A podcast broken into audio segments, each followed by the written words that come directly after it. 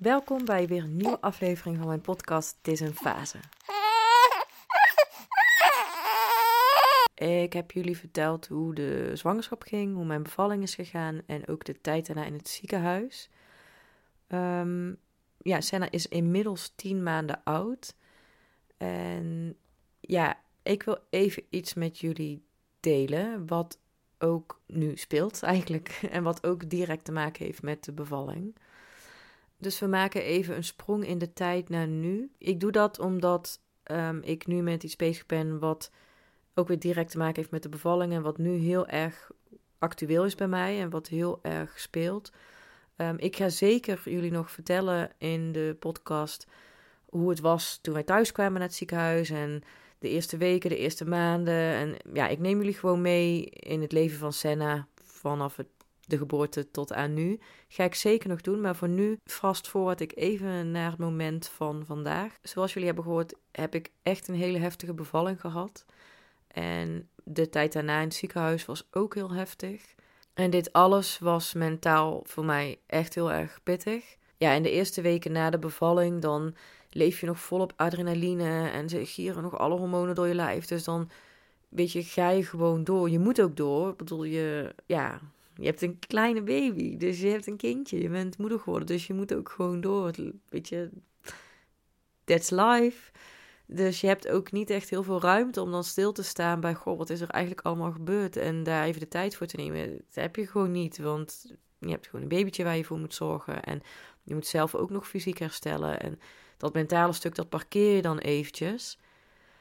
Um, ik heb daar wel toen gesprekken over gehad met maatschappelijk werker in het ziekenhuis. Maar ik merkte ook van ja, oké, dit is echt voor nu oké. Um, ik, als ik naar huis ga, dan wil ik kijken hoe het dan gaat. En dan pak ik het wel of niet nog op. Maar het is voor nu oké. En ik voelde ook van het is echt te veel om dit stuk nu zo aan te pakken. Um, ik moet dit ook ergens even parkeren en daar uh, later op terugkomen. Um, ja, als het zich dan aandient. En ik dacht van ja, dat is misschien wel het slimste. Ik moet gewoon nu lichamelijk herstellen en goed voor Senna zorgen. En um, ja, dat was gewoon mijn prioriteit. Ja, en je, je leeft nog helemaal in zo'n roes, weet je. Jij bent net moeder geworden, dus je hebt een kleintje en daar draait gewoon alles om. En ja, dat is gewoon je wereldje op dat moment. Uh, dus ik heb het op dat moment, had ik dat geparkeerd. Ik heb daar wel over gepraat met vrienden en familie om uh, mijn verhaal te doen. Maar ja, op een gegeven moment dan, als iedereen het heeft gehoord, dan zakt dat ook weer weg. Weet je, dan heb je het er niet meer zo snel over. Uh, want het is al verteld of zo. Uh, wat ook heel logisch is, want zo gaan die dingen nou eenmaal in de tijd. Ik had wel nog bij de huisarts aangegeven uh, dat ik het gewoon heel heftig vond. En dat ik daar nog wel hulp bij zou willen op den duur. Toen nog niet. Kon op dat moment nog niet. Ik had daar nog geen ruimte voor. Um, na zes weken had ik ook een gesprek bij de gynaecoloog. Daar nog een keer aangegeven hoe het dan was. En ook daar weer werd er gezegd van daar kun je hulp voor krijgen. En zo ja, klopt. Maar nu heb ik daar geen ruimte voor. Dus ik was me daar wel heel erg van bewust dat dat nog wel een stuk was wat ik aan moest pakken. Maar ja, op dat moment was er even gewoon niet de ruimte daarvoor. En ik had gewoon andere dingen die prioriteit hadden. Dus je parkeert dat van, bij jezelf. En dat is ook prima. Ik denk dat dat ook heel normaal is of zo. Of dat dat heel gebruikelijk is dat, uh, dat je dat op die manier doet. Dat je brein dat op die manier doet. We zijn nu tien maanden verder. En gaandeweg de tijd merkte ik dat ik er uh, nog steeds mee bezig was. En eigenlijk veel meer mee bezig was. Ik had er nachtmerries van. Ik droomde dat ik uh, Senna kwijtraakte. Dat ik me nergens kon vinden. Of dat ik hem vasthield en hij glipte steeds uit mijn armen. En ik, uh, ja, allerhande dromen. Dus ik werd heel vaak gewoon zo helemaal in paniek wakker, badend in het zweet. En echt, dat ik echt moest kijken van waar ben ik en wat doe ik hier? En oh, is Senna er nog? Nou, ik heb echt soms een half uur, een uur of zo in de nacht naar hem zitten kijken. Van ja, oké, hij ligt hier. Senna is hier.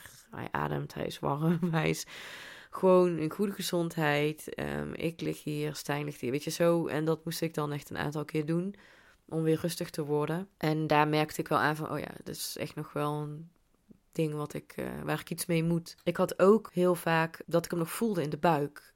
En in het begin, toen net na de geboorte, dan zei ik daar ook van, ik voel hem nog in de buik. En toen zei een verpleegkundige van, ja, dat zijn je darmen die terugschieten. Oké, oké. Okay. Nee, dat snap ik wel. Weet je, zo van dat, ja, logisch.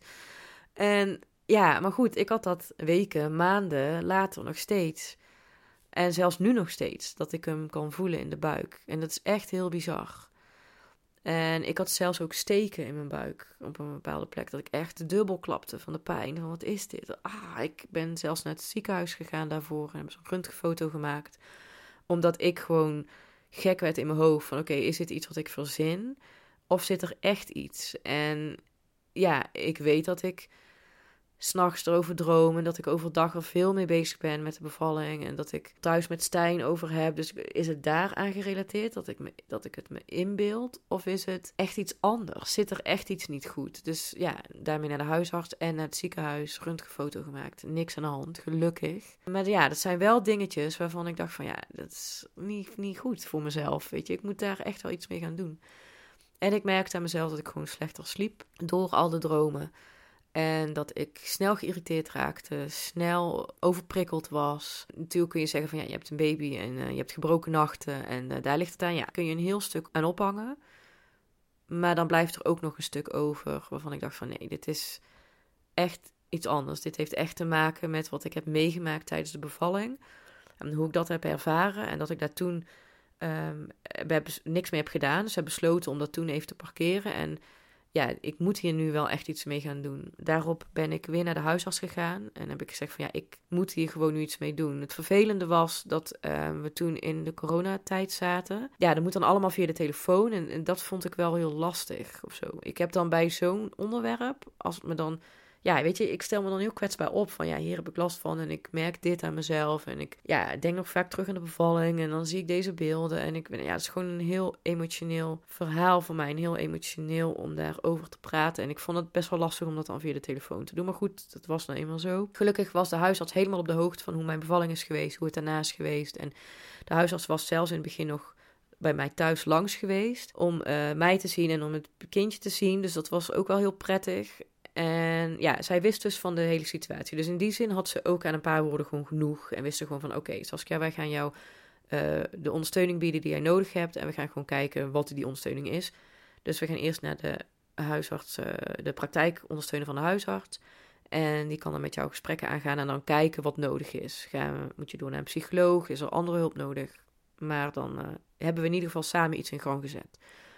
En ik vond het wel heel fijn, want ik merkte van ja, dit is wel iets waar ik nu mee aan de slag moet. Ik was gewoon heel erg bang dat mijn um, stemming op dat moment, dus mijn overprikkeldheid, mijn dromen, mijn angsten eigenlijk, die, die dan ook weer geprikkeld worden en uh, aangeraakt worden, dat die um, groot werden of zo meer aanwezig werden, dat het ook uh, Senna ging beïnvloeden. Dus dat ik misschien anders met Senna om zou gaan, omdat ik uh, dit en dit heb meegemaakt en dan die angsten heb, dat ik misschien anders met hem om zou gaan, anders zou reageren, misschien extra beschermen of extra voorzichtig met hem zijn of weet je, dat soort dingen. En ik wilde dat echt voorkomen. Ik wilde gewoon zoveel mogelijk gewoon Saskia zijn, mezelf zijn en natuurlijk hoort dat stuk er ook bij, maar dat mocht niet de overhand nemen voor mij, want dat had echt te maken met de bevalling en met mijn ervaring daarin en mijn herinnering daaraan en dat had verder niks met Senna te maken. En ik wilde dat ook echt zo zuiver houden.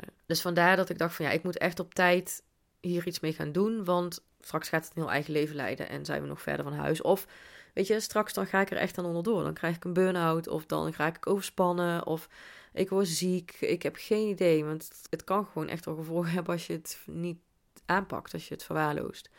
Dus toen dacht ik van ja, dat wil ik ook niet, want dan ben ik nog verder van huis. Dus dit is gewoon het moment. Stijn was er ook heel blij mee. Die zei van ja, het is gewoon echt goed dat je dat doet en dat je er met iemand anders over praat dan met um, vrienden of familie.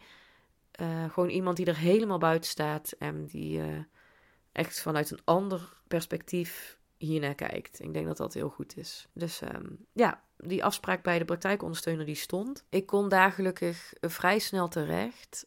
En ik vond het wel een beetje spannend, moet ik zeggen. Ik vond het wel uh, een beetje ongemakkelijk of zo. Ja, je gaat dan gesprekken aan. En ja, ik wist ook niet zo goed waar ik dan moest beginnen. En ik, ik vond het ook een beetje van, ja, het is ook alweer acht maanden geleden. Toen was mijn eerste gesprek. Ja, moet ik er nou niet, al niet overheen zijn? Weet je wel, dat is dan weer de andere kant van mij. Zo van, ja, uh, kom op, pak je spullen op en hup, door. Weet je wel, dus het is een beetje een tweestrijd in mezelf. Dus ik wist van, ja, wel, ik moet hier wel aandacht aan besteden.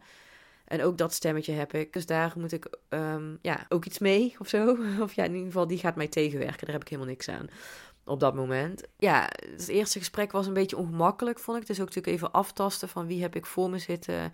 En ook vanuit de andere kant van wie heeft de praktijkondersteuner voor zich zitten. En um, ja, hoe gaan we dit aanpakken? Wat is er waar ik last van heb? En is het een bepaalde situatie? Is het het geheel? Um, en in, hoe, in hoeverre heb ik hier last van? In hoeverre is dit met een aantal gesprekken uh, goed voor mij? Of heb ik iets anders nodig? Heb ik meer nodig? Uh, ja, dat was allemaal een beetje aftasten. Ik geloof dat het intakegesprek bestond uit twee afspraken. Dat zijn afspraken van 40 minuten, dus best wel lang.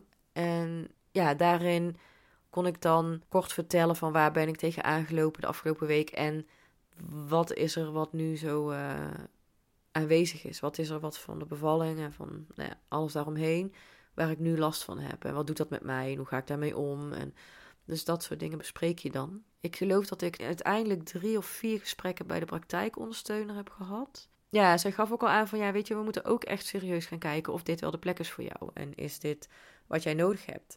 Wat ik je kan bieden, zei ze, is een gesprek. Dus dat we met elkaar hierover praten en kijken of je op die manier wat dingen op een rijtje kan krijgen.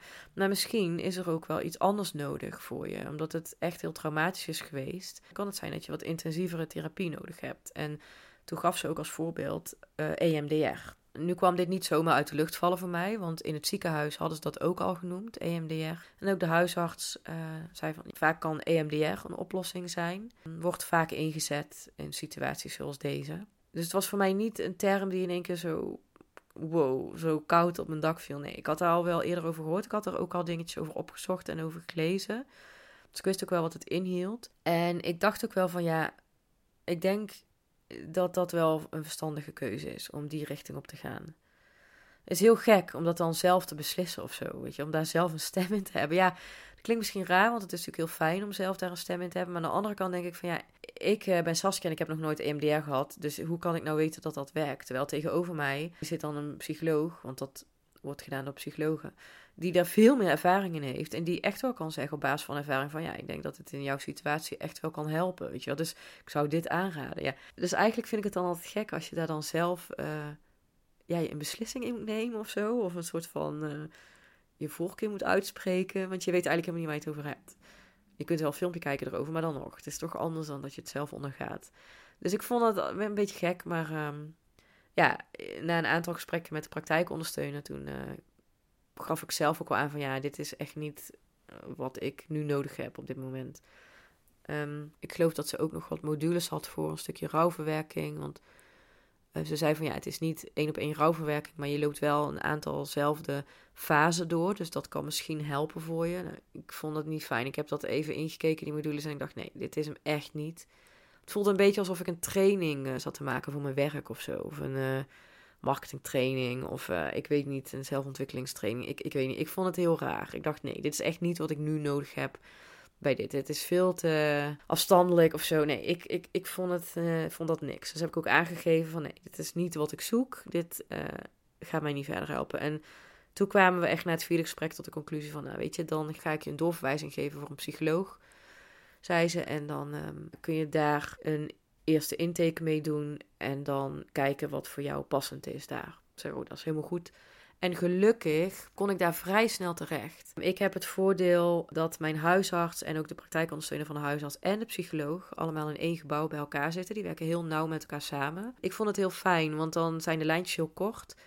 En dan is het doorstroom ook snel of zo. Weet je, ik, ik vind dat echt heel prettig.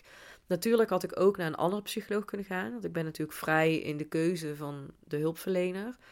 Maar ehm, ik dacht van ja, weet je, ik ken deze vrouw niet. En om nu al meteen te bedenken, nee, dit is niks. Ja, dat vond ik gewoon gek. Dan wil ik een eerste gesprek hebben en op basis daarvan uh, beslissen of ik het wel of niet prettig vond om bij haar verder in therapie te gaan.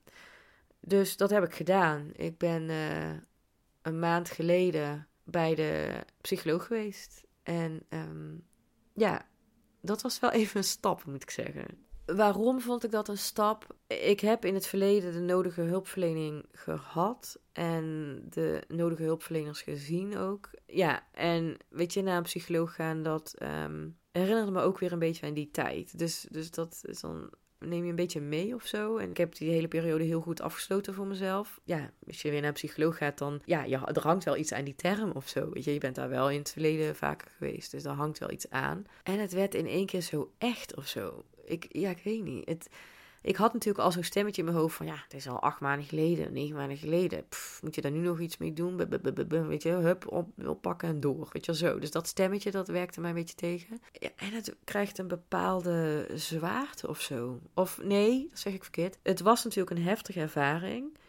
Alleen door naar die psycholoog te gaan, uh, werd ik me ook veel bewuster van die heftigheid. Dat is het. Ik wist wel van het, is, het was heel heftig. En ik wist ook wel van ik heb echt wel iets traumatisch meegemaakt. Maar dat is iets anders dan het helemaal voelen. En het, uh, ja, echt voelen, zeg maar. Het weten en het voelen. Dat is echt een verschil.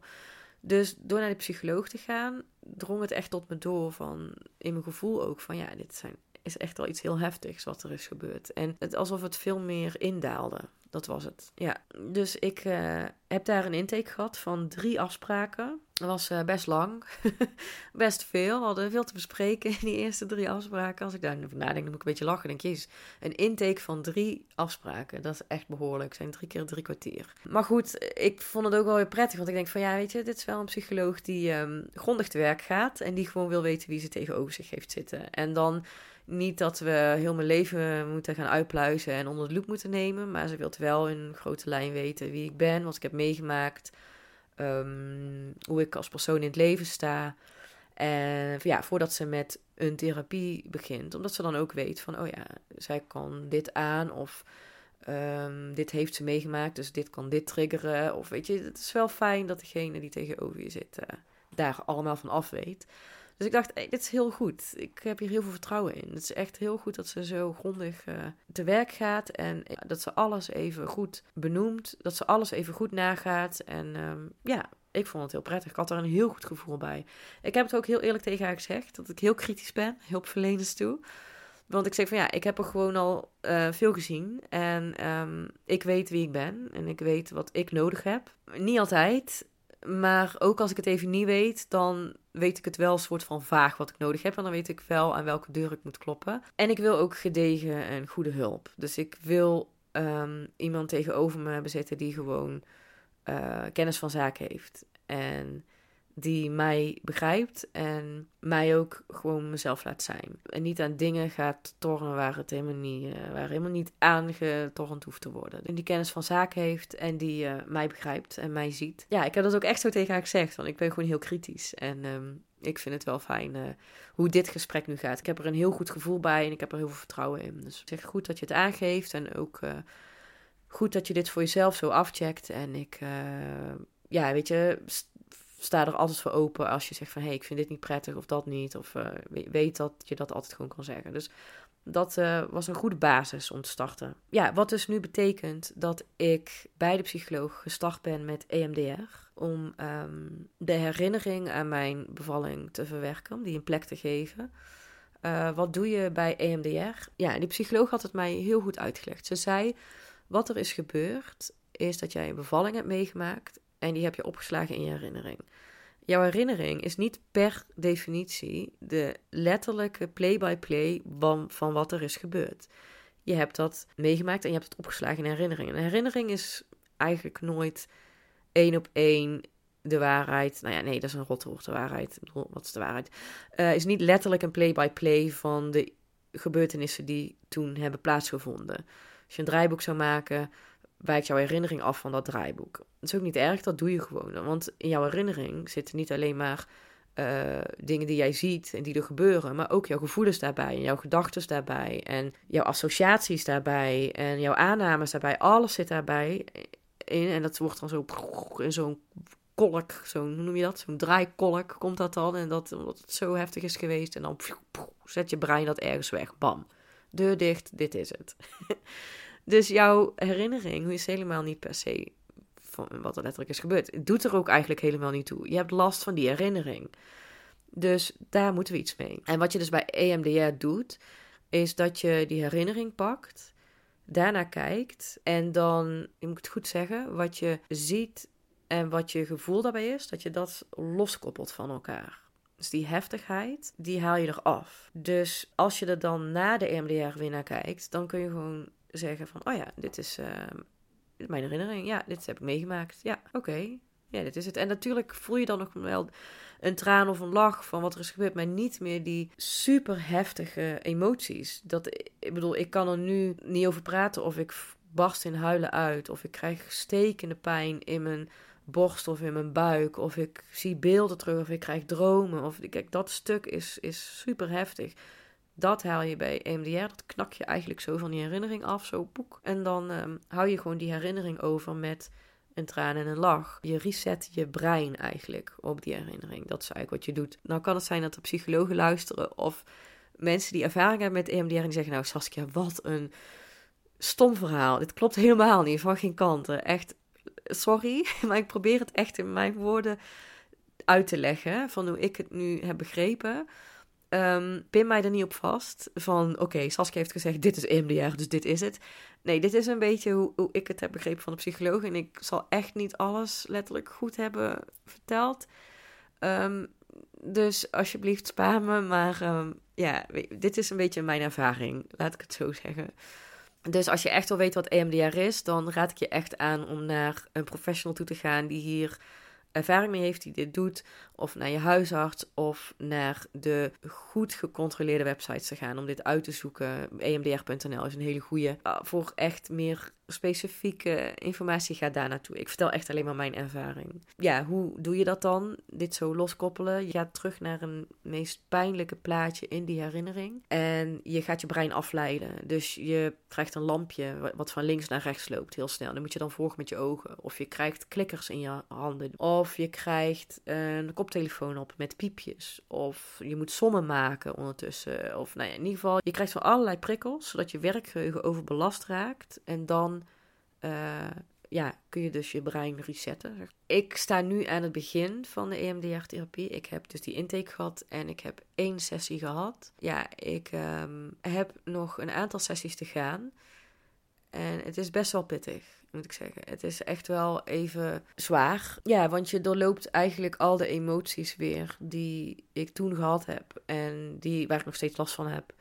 Die ik nu nog steeds in mijn dromen zie. En um, ja, je doorloopt ze allemaal weer. En ik merk ook dat ik, nu ik met de EMDR bezig ben, dat ik veel meer droom weer. Dat is veel sterker geworden. Dat, de, dat ik hem voel in de buik. Dat die ook veel heftiger zijn geworden. Het is voor mij, volgens mij ook logisch. Want je bent ermee aan het werk. Je bent ermee aan de slag. Dus het ja, wakkert alles weer even aan. Dus het wordt ook even wat erger. En daarna gaat het ook wat meer liggen. Gaandeweg de therapie. En uh, dit is gewoon een proces waar ik doorheen moet en doorheen aan het gaan ben. En het maken van deze podcast is super waardevol voor mij. Ik merk, uh, doordat ik mijn verhaal aan jullie vertel, dat het voor mij ook weer een stukje verwerken is. En ik vind het heel prettig om het te vertellen. Um, ik vind het heel fijn om het mezelf te horen vertellen. Ik uh, vind het ook heel fijn om jullie reacties te horen. En ja, ik ben gewoon heel erg um, blij dat ik dit gestart ben, dat ik hiermee begonnen ben. Het heeft mij al heel veel gebracht. En ik uh, weet dat ik met de EMDR nog veel grotere stappen ga maken. Alleen ik wil mezelf daar echt de tijd voor geven en de rust voor geven. Um, wat dus ook betekent dat ik de podcast op een iets lager pitje ga zetten. Omdat je zult begrijpen dat en de podcast maken en de EMDR-therapie volgen, dat dat dubbel op is. Alle herbelevingen en dromen die ik heb, want hè, door EMDR wordt alles weer even aangewakkerd, is het een beetje te veel, merk ik voor mezelf. Ik um, heb mijn energie hard nodig voor alle dingen die ik aan het doen ben. Um, ik merk ook dat het verwerken van mijn zwangerschap even meer ruimte vraagt op dit moment dan wat het eerder heeft gedaan. En ik wil daar heel graag ook die ruimte vrij voor maken. Dus het betekent dat ik in plaats van iedere twee weken, ik denk één keer in de maand, even de podcast online ga zetten. Dat ik het iets rustiger aandoe, omdat ik dan um, ja, iets meer ruimte creëer voor mezelf in mijn hoofd. Om ook weer de dingen een plek te geven. Om ook de emoties van de therapie een plek te geven en te kunnen verwerken. En um, ja, op die manier hier goed doorheen te gaan. Dus ik ga met mijn podcast iets minder vaak uploaden, tijdelijk. Ehm, ik blijf wel uploaden, omdat ik het gewoon uh, heel fijn vind om te doen. En ik wil gewoon het ritme erin houden voor mezelf. Ik, ik merk dat ik er heel veel energie van krijg. Maar het gaat even op een lager pitje. En um, ik hoop dat jullie dat zullen begrijpen. Na de therapie dan uh, pak ik het zeker weer wat meer op. Ik vind het gewoon heel belangrijk. Ik vond het ook belangrijk om dit stuk te vertellen. Ik um, heb jullie nu alles verteld over mijn bevalling en mijn zwangerschap en de tijd in het ziekenhuis. Misschien gek om dan nu dit verhaal even tussendoor te horen. Want ja, ik wil heel graag vertellen hoe het de eerste en de tweede en de derde en al die maanden met Senna ging. Maar dit dient zich nu aan en hier moet ik nu iets mee. En ik dacht van ja, dit is ook wel even een moment om te vertellen van ja, weet je, je weet hoe het nu is gegaan. En ik heb hier echt even de tijd voor nodig om dit allemaal een plek te geven. En ik ga zeker nog vertellen hoe het allemaal met Senna is verlopen. En hoe het met hem gaat, met het ventje. En hoe het met ons thuis is gegaan. En alles wat daarbij komt kijken. Dus zeker, die afleveringen komen er zeker aan. En ik heb nog allemaal andere ideeën die ik nog in een aflevering wil verwerken. Dus dat komt helemaal goed. Voor nu neem ik wel even de tijd en de rust voor mezelf. En ik denk dat dit heel belangrijk is. En ik wil je echt adviseren, als je een heftige bevalling hebt meegemaakt, in wat voor vorm dan ook ook al ging het helemaal volgens het boekje, wat ze zeggen, dat kan ook gewoon heftig zijn voor je. Weet dat. Een bevalling is gewoon iets heel heftigs. En schroom niet om daar ook hulp voor te zoeken. Praat erover met eh, mensen die dichtbij je staan. Of met een huisarts of een hulpverlener. Maar um, ja, blijf er niet alleen mee zitten. Weet gewoon dat je niet de enige bent. Ook in mijn omgeving zijn er meerdere vrouwen die uh, heftige bevalling hebben meegemaakt. En ja, wij hebben het er samen wel over omdat we het herkennen bij elkaar, wat we hebben meegemaakt. Maar weet je, ik weet ook dat er heel veel vrouwen het er niet over hebben. En het is echt niet iets waar je alleen mee zou moeten blijven zitten. Echt niet. Als je nog vragen hebt hierover aan mij, stel ze gerust. Dat kan via een DM van mijn Instagram. Je kunt me vinden op Saskia Waaiers of podcast Het is een fase. Dat is uh, één account. Of via Facebook Saskia Waaiers. Stuur me een berichtje en dan uh, zal ik op je reageren. Weet dat je niet de enige bent en uh, praat erover. Dat is mijn advies. Ik ga deze aflevering nu afsluiten. Ik um, moet zeggen dat ik wel blij ben dat ik dit verhaal heb verteld. Ik twijfelde nog of ik hier wel een aflevering over zou maken. Maar ik dacht van ja, dit is wel gewoon mijn verhaal. Dit is mijn pad. Dit is wat ik uh, tegenkom. Dat wil ik met jullie delen. Dus uh, ik ben heel blij dat ik dit heb verteld, merk ik. Ja ja, ik vind het heel fijn. Dus dank jullie wel voor het luisteren. En ik uh, hoop jullie heel graag om volgende keer weer te zien. Dankjewel en tot uh, de volgende keer. Doei doei!